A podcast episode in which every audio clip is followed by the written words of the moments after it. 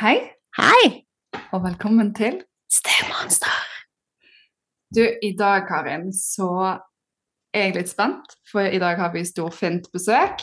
Ja. I dag har vi rett og slett Frode Tuen med oss. Oh, Yes! Oh, I got monsters in my head, but you chase them away, chase them away, chase them away. Vi er jo godt eh, kjent eh, med han, men vi må kanskje ta en aldri så liten eh, introduksjon. Eh, Frode Tuen, du er jo psykolog. Du kan jo få lov å si hei allerede nå. Ja, ja, hei, hei. Velkommen, velkommen. Tusen takk. Veldig hyggelig å bli invitert inn i podkasten deres. Og så kjekt at du sier det. Du er jo psykolog og forsker, eh, og, og er særlig opptatt av dette med familiepsykologi. Du har. Mm. Ja, du har skrevet flere bøker, bl.a. Eh, 'Livet som deltidsforeldre'. Eh, og du er jo veldig kjent for mange i, i Aftenposten med en spalte, sant? som Mm. man kan skrive inn til, og så kan man få, få dine refleksjoner. Mm. Ja, den har jeg hatt i 16 år eller noe sånt. og Wow. Hver uke. Og det er jo ofte spørsmålene Altså, de går på samlivsutfordringer, men også det å, å ikke leve sammen. Ja, altså at ja. man ønsker å finne kjæreste, eller man har vært kjæreste eller samboer eller eh, ektefeller, og så er man flyttet fra hverandre. og alle utfordringene knyttet til mine og dine barn og sånn. Så alt som handler om familieliv og kjærlighetsliv, eh, er ting som jeg tar opp i den spalten da, som folk sender inn spørsmål om. Ja. Stemmer. Og det, eh, det er jo òg litt sånn som vi har lagt opp til her i podkasten, at folk kan skrive inn her, og så reflekterer vi høyt eh, etter beste evne. Eh, litt sånn samme formatet, kanskje, eh, men med, med kun egentlig det med stedlivet og opp- og nedturene der som sånn overskrifter. Mm. Eh, men du har jo òg en privat praksis, sant? Mm, det Ja. Mm. Og der er det hva, hva er målgruppen der, håper jeg å si? Nei, det er det samme egentlig. Det er hovedsakelig eh, parterapi, men, men det er òg folk som kommer alene fordi at de står i en vanskelig situasjon i et forhold, eller fordi at de er kommet ut av et forhold eh, og sliter med samarbeid med eksen. Jeg har også jobbet en god del sånn sakkyndig i forbindelse med sånne barnefordelingssaker som Ja. Ja. høres for domstolen og sånn. Så jeg har jobbet med familieproblematikk både når man lever sammen og når man ikke lever sammen i ja, snart 30 år. Spennende. Ja. Ja. Du, litt sånn innledningsvis, du fikk jo en invitasjon og ble med på dette, sant? Eh, er det Hva tenker du om at vi, vi gjør dette? Nå er det liksom kun steforeldre som er vi, vi påstår jo, og vi mener jo hardt, at, at målgruppen er jo absolutt òg foreldrene og, og liksom alle rundt. Men, men nå har vi laget en, en podkast med, med stemonster, og da vi, særlig de, vi som er steforeldre eller bonusforeldre, som er sånn aller viktigste målgruppen her. Hva tenker du om det? Jeg syns det er fint. Altså, nå er det jo så veldig mange podkaster, og, og um, at noen podkaster på en måte blir litt mer sånn nisjepreget, eller eh, fokuserer på en mer avgrenset målgruppe eller tematikk, det tror jeg er veldig bra, istedenfor at alle skal, skal liksom gape over alt. Da blir det Mm. gjerne litt intetsigende og litt vanskeligere å gå i dybden enn, enn hvis man har et litt mer snevert fokus. Ja. Og det er jo tema som Det er jo veldig mange som er steforeldre eller bonusforeldre i perioder i hvert fall, og kanskje gjennom store deler av sitt voksenliv. Og, og som opplever det som problematisk og krevende. Og det å ha et sted hvor den typen tematikk blir løftet frem, det er jo veldig fint. Ja, for det er noe vi har diskutert ofte. Det, det var jeg litt spent på å høre ditt inntrykk av. For min opplevelse er at det er litt vanskelig å finne på en måte et, et for eller, en, eller forskning som på en måte tar steforeldrene på alvor. At det finnes mye forskning på barn som har skilte foreldre, og, og par som går ifra hverandre. Men, men akkurat stedrollen er akkurat sånn er litt glemt, opplever jeg. Er det noe du kjenner deg igjen i, eller? Ja, absolutt. Um, det er ikke så veldig mye forskning på steforeldrerollen, det er det ikke. Eh, og det er heller ikke så mange lett tilgjengelige bøker eller litteratur ellers på nett eller andre steder. Så um, det har kommet ut noen eh, bøker om, om, om det å være steforeldre, men ikke nødvendigvis veldig gode bøker. Så, Så, Det var fint å høre det fra deg, for det, det, vi har jo våre meninger om noen av de, men det var fint Ja. at du òg kunne si det. Ja, det, nei, så, altså, og det varierer selvfølgelig, men, men, men generelt så, så er det mangel på informasjon. Og, og dere har dette som et fokus og intervjuer folk som presumptivt kan si noe fornuftig om det, det tenker jeg er veldig fint. Ja, Så stas.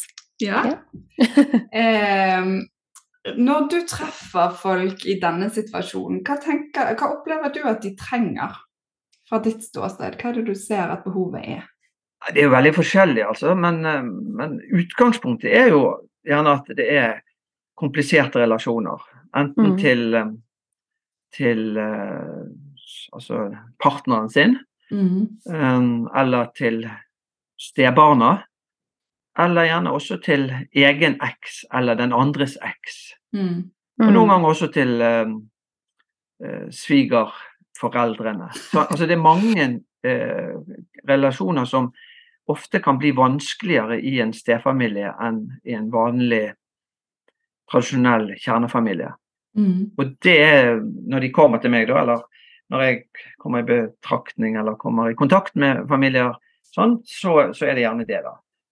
Ja. Eh, og, eh, og noen ganger så er de konfliktene veldig uhåndterlige, og det kan eh, føre til både re- rettssak og eh, annet. Men, men først og fremst så er det det å finne, finne gode løsninger på, på de hverdagsutfordringene som man, som man står i. Mm. Og når du sier gode løsninger, har du da noen triks opp i ermet, eller noen løsninger som du har sett at folk klarer å få til, som du, du vil dele med oss? Ja, Det tenker jeg kanskje vi skal komme inn på, men, men Mm. det, er så stort, eh, det er så stort område. og Det er jo så avhengig av er, hvilke relasjoner vi ser på. Ja. Så la oss komme inn på noen gode, gode triks eller eh, tips. Men, men la oss gjerne knytte det først og fremst til da, de forskjellige relasjoner. Altså er det mellom partene, de voksne, eller er det Mm. mellom eh, de voksne Ja. og barna, eller er det i forhold til x-er og y-er som ofte befinner seg i, tror- bak, i bakrommet der et sted. Mm. Ja, Mm. jeg tror kanskje vi skal konsentrere oss blant de voksne, Mm. eh, siden du er veldig godt kjent for parterapi og kompetanse der. Sånn at, at særlig kanskje i paret, men vi kan absolutt òg begynne å diskutere sikkert både X, Y og Z. Ja, vi har jo, når vi får inn eh, leserinnlegg, så er det jo det er veldig mye samarbeid som er eh, vanskelig. Eh, og så er det en del eh, konflikter i paret seg imellom, men, men, men ofte så på en måte er det noe du avdekker litt seinere. De skriver gjerne om tøffe relasjoner til, til barna sine, eller til stebarna Mm. sine. Mm. Og så leser du på en måte mellom linjene at her er der her har ikke de voksne ryggen til hverandre, og de, Mm. de finner ikke ut av eh, Ofte så Altså, vi hadde nettopp en episode der vi, vi leste mye forakt, da. Eh, for eksempel inn i språket til på hvordan den andre ble omtalt. Ja, det var en stemor som, eh, som beskrev barnet som, som vanskelig, men òg som hadde ganske sånn eh, Ja, du sa forakt, og det var det det liksom Det var den følelsen vi fikk når vi leste den beskrivelsen av partner som, som ikke verken ble veldig haussa opp som far eller i, i eh, relasjon til sin, sin eks, og, i, og Mm. helt sikkert overfor henne, da. Uten at, det var litt mer implisitt. Ja, Mm. Og det kjenner vi jo igjen fra terapirommet òg, at, at veldig mange eh, som kommer til oss, vi jobber jo i en lavterskel kommunaltjeneste, de kommer med, eh, med på en måte hjelp oss på dette barnet som, som viser den og denne atferden. Mm. Eh, og så er det veldig ofte, og gjerne særlig når det er sted i bildet, så er det gjerne ofte paret som trenger noe ekstra. Mm. Eh, Kan du kjenne det Ja. igjen? Ja, absolutt. Fordi at når det er problemer i forhold til barna eller x-er og y-er, så, så kommer det nesten alltid også til uttrykk i paret. Fordi at man oppfatter situasjonen ulikt, eller man fortolker eh, situasjonen eller reagerer på eh, situasjonen ulikt. Eh, og og noe, av, noe av utfordringen er jo å klare Altså at paret da klarer å stå samlet når det er mye konflikter rundt de, eller en av partene eller begge parter er involvert i eh, konflikter da med f.eks. en eks som er veldig vanskelig eller krevende. Så, så, noe av utfordringen er jo nettopp å klare å stå samlet og vite, og vise hvor lojaliteten går. Altså En typisk situasjon er jo at, at den ene uh, strekker seg langt for en eks, som kanskje er ganske krevende, eller i hvert fall har uh, noe hun eller han ønsker å bidra til. Altså Når barna er hos hos den andre så har gjerne en, en, en, mor eller far ønske om å påvirke på et eller annet vis. Mm. Og så strekker man seg eh, langt for å komme den andre i møte, og så opplever da den nye partneren, da, den man lever sammen med, at uh, er det mine behov som gjelder her, eller er det din eks sine behov? Uh, og så kan man da få en, en sånn polarisert posisjon i parforholdet hvor, eh, hvor partene da føler at, eh, at, de ikke spiller på samme lag. Mm. Eller de i hvert fall ikke de er ikke et godt team da i møte med, med, med de forventningene eller kravene eller utfordringene som dukker opp fra mm. utsiden.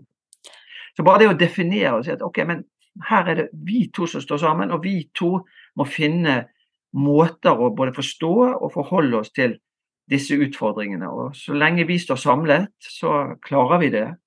Men hvis vi ikke står samlet, hvis den eller de utenfor på en måte klarer å så en slags splid mellom oss, så er vi jo mye mer sårbare for, for å utvikle en dårlig relasjon oss imellom. Mm.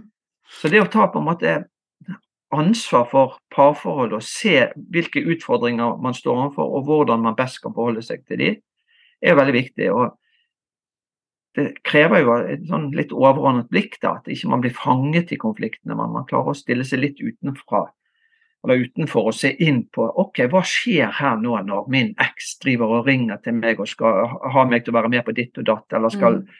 ha meg til å forandre helger, eller skal justere avtaler vi har gjort osv. osv. Hvis jeg bare har da en dialog med den, altså med eksen, uten å hele tiden å rådføre meg med eller konferere med hva syns partneren min om dette, så er det veldig lett for at det blir dårlig stemning hjemme og mm. starten på noe som kan bli vanskelig. Ja, nå tror jeg du beskriver noe som veldig mange av, av lytterne våre eh, kjenner seg igjen i. og som, altså Vi har eksempler på at, at, eh, at den steforelderen gjerne da har fått beskjed om å på en måte ikke blande seg, sant? eller nå eh, dette dette er vårt, og du, du må ikke inn her, og, og, du må bare forstå, eller liksom eh, Sånn er det, på en måte. Eh, det er jo dette kontrolltapet vi har snakket mye om, at du mister ja. på en måte ja, og at, at steforeldre ofte føler seg litt sånn hjelpeløse eller, eller og, eh, ja, uten kontroll, og, og, at man bare på en måte må tåle, sant. Um, men hva Ja, er det noen For det, det der steget tilbake, når man har det dårlig, kanskje til alle i situasjonen, hvordan skal man klare å, å få dette metaperspektivet i en sånn situasjon? Nei, Det er jo ikke alltid så lett, men det fordrer jo at man har en slags bevissthet om at hvis vi skal få det til, så må vi spille på lag. Og da må mm. vi også ha en god dialog rundt dette. Hvis jeg bare på en måte stenger døren for for partneren min og bare har en dialog med min eks, f.eks., eh, så vil jo hun føle seg utenfor. Og, man må erkjenne at OK, denne konflikten eller denne utfordringen kan ikke jeg løse alene, den må løses som en del av vårt parforhold. Mm. Så erkjennelse og bevissthet omkring problemstillingen og hvordan de skal forhold, øh, håndteres, er jo i hvert fall første skritt.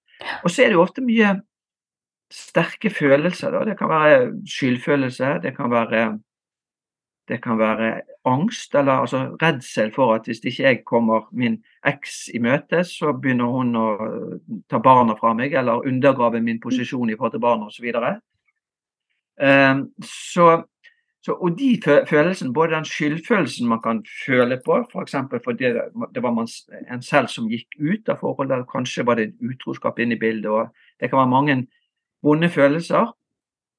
og hvis man lar de følelsene styre hvordan man reagerer istedenfor å Istedenfor å være mer sånn konstruktiv, da, så er det jo lett for at man, selv om man skjønner hva som skal til, at man likevel håndterer det på en uheldig måte. Man blir fanget i sine følelser på en sånn måte at man mister liksom litt fotfeste. Mm. Ja. Kan jeg bare spørre, opplever du noen ulikhet i forhold til kjønn på dette her?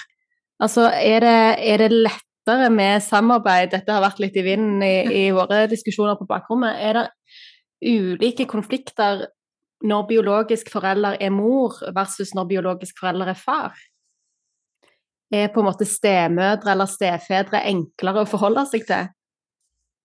Ja, kanskje. Jeg tror vi skal være forsiktige med å lage veldig sånn tydelige kjønnsforskjeller her. Men, men hvis man skal nå likevel prøve å, å se noen mønster. så kanskje at fedre gjerne oftere blir litt for fjern, altså for litt for lite um, koblet til um, det som livet i, i parforholdet eller familielivet, mens mødre kanskje blir litt for overinvolvert. At det er kanskje de typiske fallgruvene. da.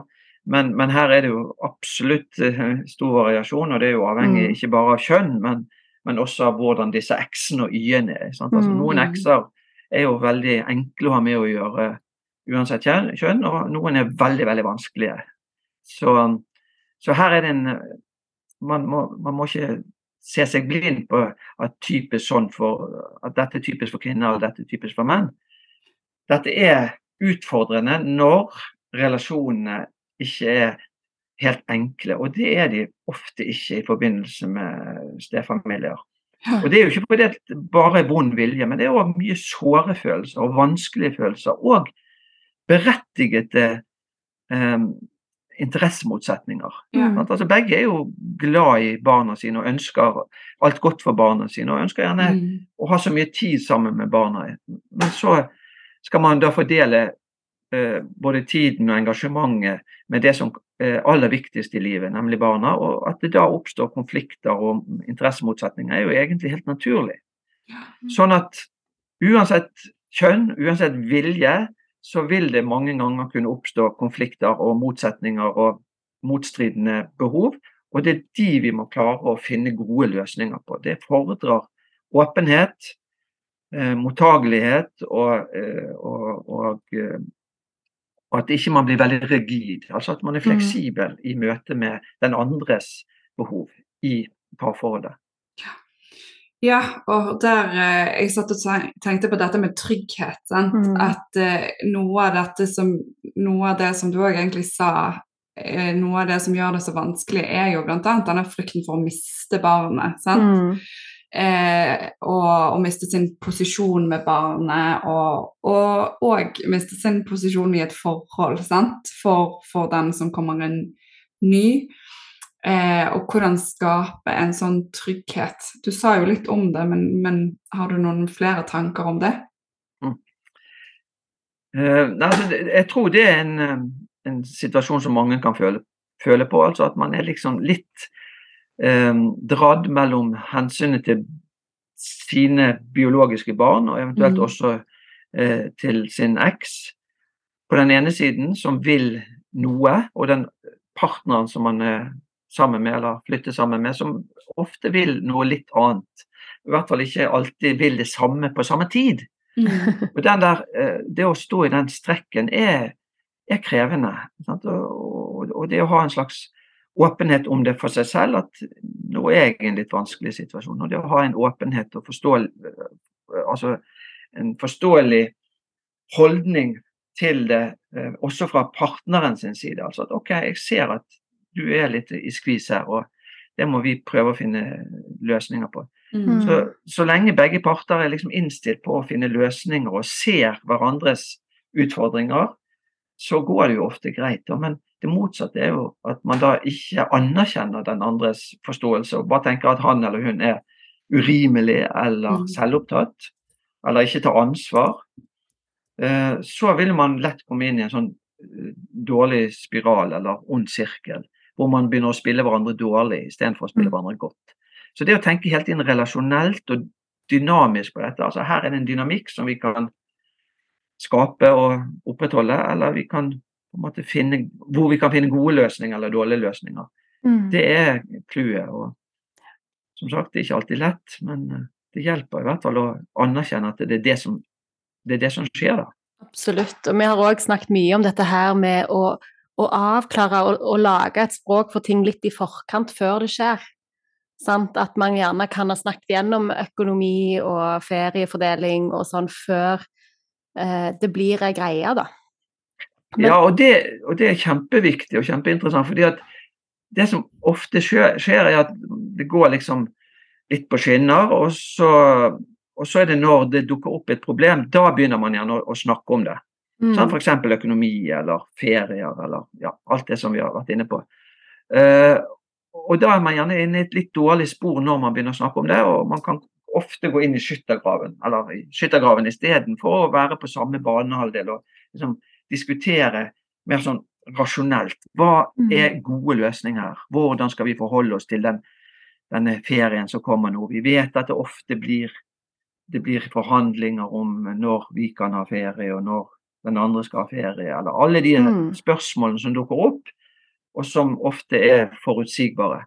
Så det å være proaktiv eh, er jo en, viktig for å få det til, da. Absolutt. Du sa noe som jeg ble litt sånn nysgjerrig på, for du snakket om dette her med når det, at det kan jo gå greit. Sant? Noen har jo faktisk stedrelasjoner som er, eh, som, kan, som er kjempefine. Mm. Eh, hva er det som skjer når det går greit, tror du? Hva, hva er ditt inntrykk av hva er det som gjør at det funker når det funker? Um, nei, det er jo med utgangspunkt i, i, i barnas behov. Altså hvis foreldrene har en forståelse av at nå handler det om å samarbeide om barna, og, og, og barnas behov går foran mine egne behov, f.eks. For, for å ha mye tid med barnet, eller ha Mm. kontroll med hva barnet gjør hos den andre osv. Som kanskje handler mest om seg selv og sine egne behov.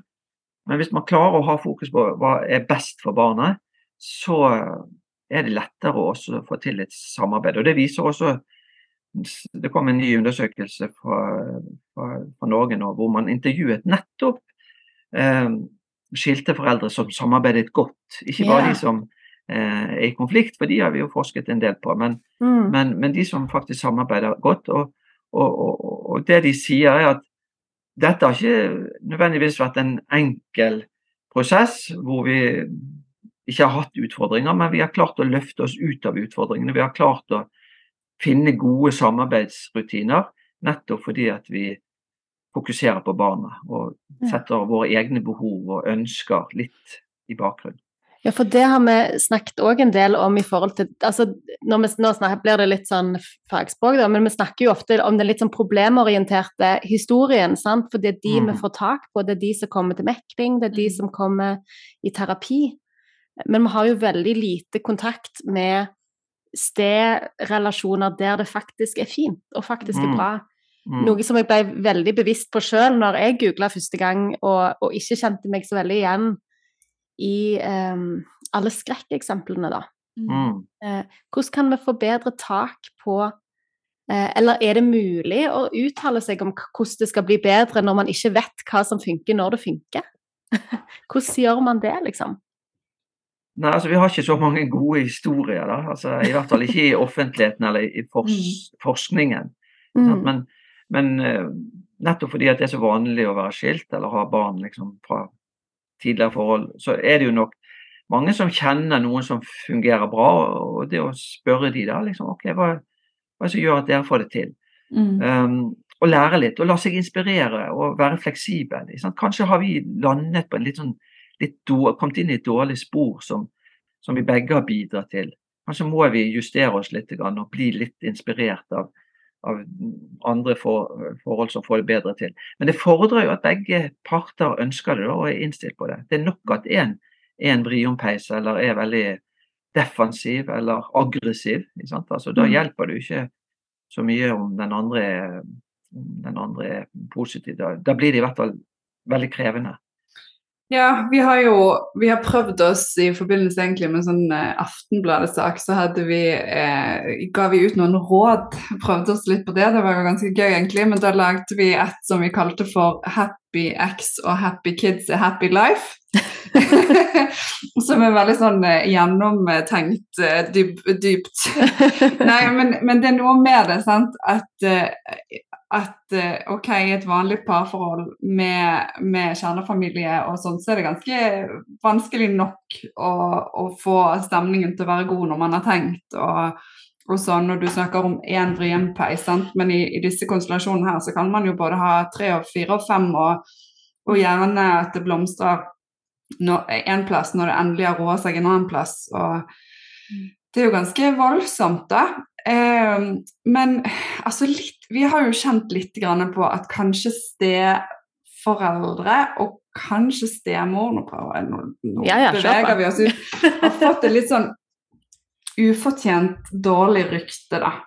Eh, at, at, det er litt sånn eh, sant, Den onde stemoren og, og det, det, er, det er fort liksom eh, en jeg vet ikke om du så den VG-saken nå nylig sant? med, med en, en, stemor der som var i ferd med å ombeskrive lett at hun kunne kjenne på gryende hat eh, mm. overfor stebarnet sitt. Og, og, litt sånn Er vi med som, som fagpersoner og liksom uh, nøre opp under det narrativet der, eller oh, ja, Hva tanker gjør du deg om, om dette? Mm -hmm.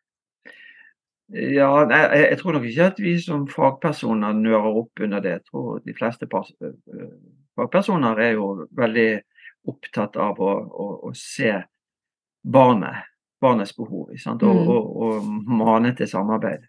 Mm. Eh, men, men, men, det er jo noen sånne dype, dype forestillinger i kulturen. Altså, um, jeg leste en gang at når brødrene Grim hadde laget eller samlet da, inn eventyrene om Snehvit og, og um, Askepott. Så den gangen så var det egentlig en mor som var den slemme. Men fordi at um, det, var så, det var så uakseptabelt i kulturen den gangen, så skapte de det om til en stemor. De førte en stemor inn. Så det var lettere å måte til, tillegge en stemor onde hensikter enn en mor. Mm. Ja. Eh, og, og, og, fra da av så ble på en måte denne forestillingen om den onde stemor en del av vår kulturelle arv.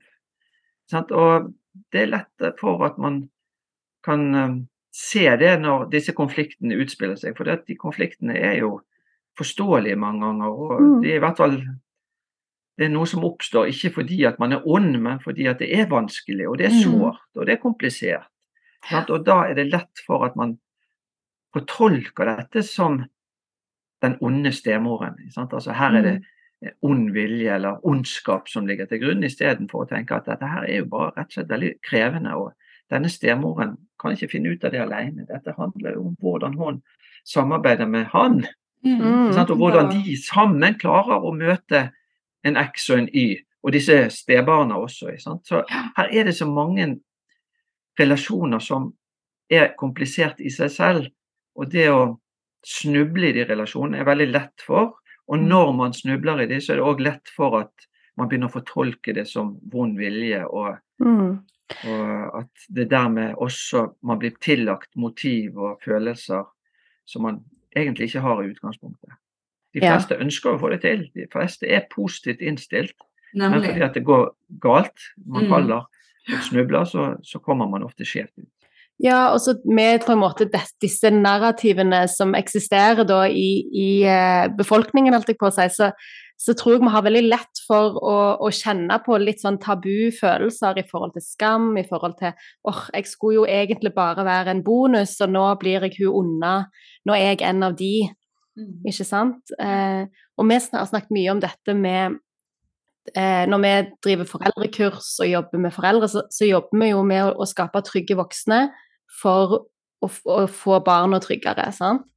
Og jeg tenker med, med, så mye negative assosiasjoner og så mye skam og så mye som veldig mange av lytterne våre melder fra om at ja. de kjenner på, så har vi gjerne en vei å gå i forhold til å skape trygge steforeldre, da. Eh, Ja, jeg tror jo altså, dialog rundt steforeldrerollen og realistiske bilder av det, mm, tror jeg er med på å, å, å gjøre det mer håndterlig og gjenkjennelig. Sant? Altså, selv om det er veldig vanlig, så er det ganske mange som føler seg ensom i mm, møte med disse konfliktene. Både fordi at det er skam, skambelagt, som du sier, men òg fordi at man føler seg eh, til, altså en, en, på tilkortkommenhet. ja. Mm. Utilstrekkelig. Ja, altså dette fikser jeg ikke, eller man føler på forakt, eller man kan føle på hat. Altså, det er Mm. mange følelser som ikke er så lett å dele, og derfor går man også rundt og kjenner på, på mye av de motsetningene som, som er ganske vanlige, Mm, um, alene uten å snakke om det. Mm. Jeg tenker jo sånn, Dere kjenner sikkert til den svenske serien Bonusforeldre. Mm, Ja, den illustrerer jo veldig veldig godt eh, mange av de utfordringene som vi har snakket om. Sant? På en veldig sånn fin og varm og gjenkjennelig og rørende måte. Men, men den viser også hvor vanskelig det kan være, og hvor sårt det mange ganger kan være. mm, Eh, Og, og det å, å, å gjenkjenne dette her i sitt eget liv tror jeg kan være en, en måte å bli mer bevisst på det og få bedre eh, altså dialog rundt det og re, eh, bedre relasjoner. Mm. For det, De får det jo til, disse folkene i bondeforeldrene, selv om de sliter litt, og selv om det dukker opp stadig nye ting som de må forholde seg til. Ja. absolutt. Er det sånn at vi eh, trenger rett og slett mer rollemodeller? Er det noe som på en måte kan være med å styrke eh, den rollen, da? Tenker du det? Ja, jeg tror det er altså ved å trekke frem gode rollemodeller eller gode løsninger på disse utfordringene, sånn som man viser i bonusforeldrene, så kan alle som er i den situasjonen lettere gjenkjenne hvordan dette er for oss, og så ser jeg OK, ja, mm, sånn kan vi gjøre det istedenfor å gå inn i de der sporene som vi kanskje alltid går inn i, nemlig at vi begynner å krangle med eksen og krangle med partneren og krangle med barnebarn eller med Ja. ste- stebarna osv. Altså det å bli korrigert litt i, i de, eh, de sporene man pleier å gå inn i, tror jeg kan være veldig, veldig nyttig. Ja. Jeg ble bare litt nysgjerrig, for du har jo skrevet eh, Du har jo vært i dette landskapet i, i mange år. eh, og skrev i 2004 'Livet som deltidsforeldre'. Og der har du jo et kapittel på det å være bonus og sted. Mm. Eh, og så lurte jeg på, for litt av, av premisset i den boka er jo eh, gjerne at, at samværsfordelingen var relativt skeiv. Mm. Eh, har du noen tanker på om det har endra seg de siste Det er jo nesten 20 år siden den kom ut. Ja, ja. Ja. Ja da. Eh, altså nå er det jo blitt mye mer vanlig med, med delt foreldreskap. Og, Mm. og altså at man bor like mye hos mor som i far. Nå har kommet nå enda nye tall fra, fra Statistisk sentralbyrå som viser at nå er det vel opp under 50 hvis jeg Wow. husker feil. Eh, sånn, at, um, sånn at det er mange flere som har da en, en, en mer likeverdig rolle, på godt og vondt. Altså det Mm. gode er jo at det er bra fordi at det skaper mer likeverdighet for, for barna og lettere å ha eh, kontakt med foreldrene og begge foreldrene. Så, og foreldrene er jevnt over også fornøyd med sånne løsninger. Men samtidig så er det jo òg eh, oftere utfordrende når, når begge foreldre skal ha et ord med i laget. Ja, Sånn absolutt. at, eh, ja, sånn at det foredrar jo da at foreldrene faktisk klarer å samarbeide noenlunde. De trenger ikke være bestevenner, men de bør i hvert fall ikke undergrave hverandre og stikke kjepper i hjulene til hverandre. Da er, jo, da er det jo veldig veldig vanskelig å få det til å, å gå i hop. Har du noen tanker om det har blitt, eh, med denne på en måte samfunnsendringen, da, om det har blitt enklere eller vanskeligere å være steforeldre når det er jevn fordeling og sånn? Altså, det vi har sett i, i forskningen, er at likeverdighet er bra for barnet, men det er òg bra for foreldrene. Så når det er likeverdighet, så er det eh, sjeldnere at det oppstår store konflikter og uhåndterlige konflikter. Mm. Men det kan være mange gnisninger og det kan være mange utfordringer eh, eh, som vi har snakket om, som ikke nødvendigvis trenger å være at noen er vond eller har vond vilje eller vil ødelegge, men, men at det bare er eh, interessemotsetninger. Og de vil jo kanskje være flere av i dag, men, Men denne likeverdigheten gjør også at ikke den ene føler seg mindre verdt eller har mindre å si i forhold til barnet. Og det er i utgangspunktet eh, godt, da. Mm. Så jeg har jo vært eh, tilhenger av eh, delt omsorg eller delt bosted fordi at nettopp det bidrar til å redusere konfliktene mellom foreldrene. Ja. Men sånn sett selvfølgelig ikke i alle tilfeller. Mm. Ja, Mm. og sånn sett passer jo hvis du sier at likeverdigheten der har gjort at barnet har det bedre og foreldrene har det bedre, så betyr altså dette happy ex og happy kids, eh, happy, Happy life. eh, for steforeldre òg. Det høres jo ut som om det kan stemme godt sammen, da. Mm. Mm. Ja da, absolutt. Men det, det er vanskelig å leve sammen i en kjernefamilie òg. Det kan oppstå mye, mye konflikter og utfordringer der. Ikke sant? Og, det, og det blir ikke mindre i en stefamilie uansett. Men det viktigste hele veien det er å tenke at OK, vi må prøve å, å unngå å komme inn i de dårlige sporene hvor vi bare begynner å anklage hverandre og bebreide hverandre og bli defensive, men heller løfte seg litt ut av det og se hvordan skal vi finne gode løsninger. Både med x-er og y-er, men ikke minst seg imellom i parforholdet. Er paret en viktigere del av familien i en stjernefamilie enn en kjernefamilie? Mm. Altså, paret er er jo viktig uansett. Ja. Mm. Altså, barn trenger foreldre som er, er nære og til stede, og som samarbeider. Mm. Enten det man bor da med i en, en, eh, i en eh, kjernefamilie, eller en stjernefamilie, eller stefamilie, eller hva man nå skal kalle det for.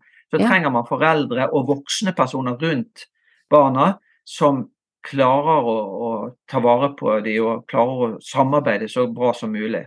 Mm. For de konfliktene som er rundt barna, de er, det vet vi i hvert fall at det er veldig skadelig å vokse opp med konflikter mellom de, de voksne rundt barna.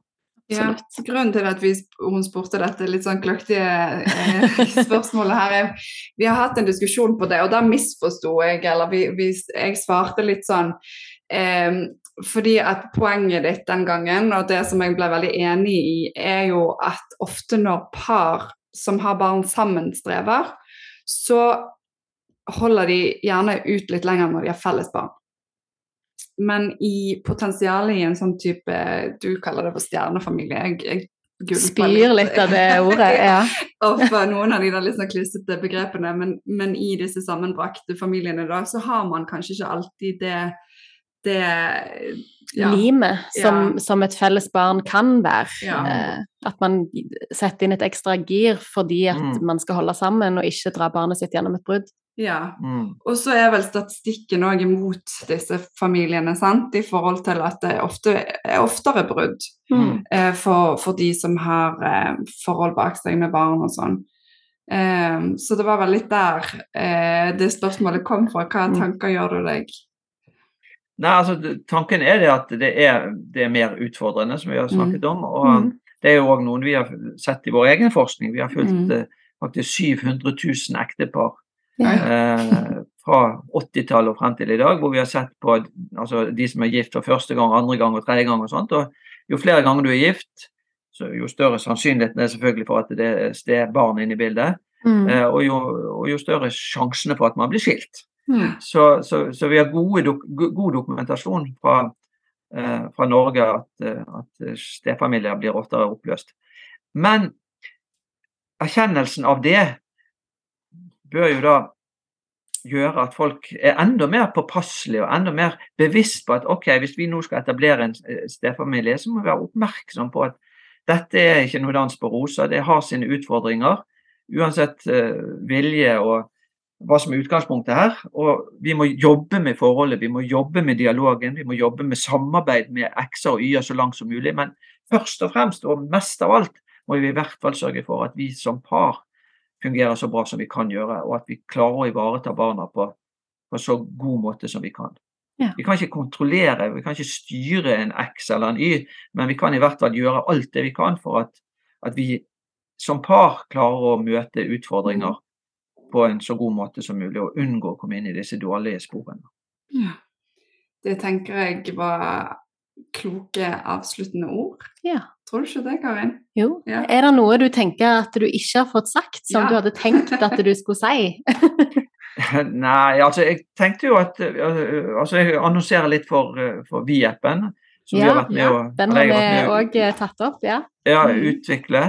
eh, Som er gratis, og som, som er en hjelp både til å ivareta parforholdet, men også til å ivareta foreldreskapet. Altså hvordan følger man opp barn. Og det vil være relevant enten man lever i et parforhold, Mm. eller om man lever i en stefamilie og Ja, man på en måte laster den ned for sin egen del. Ja, den er vi veldig fan av og har eh, omtalt varmt. Ja, så hyggelig. Så hyggelig. Mm. Der kommer også noen, noen eh, dypdykk, da, digitale kurs, eller ett er det vel kanskje, som handler nettopp om livet i bonusfamilien, Ja. der, der jeg utdyper en del av de tingene vi har vært inne på nå.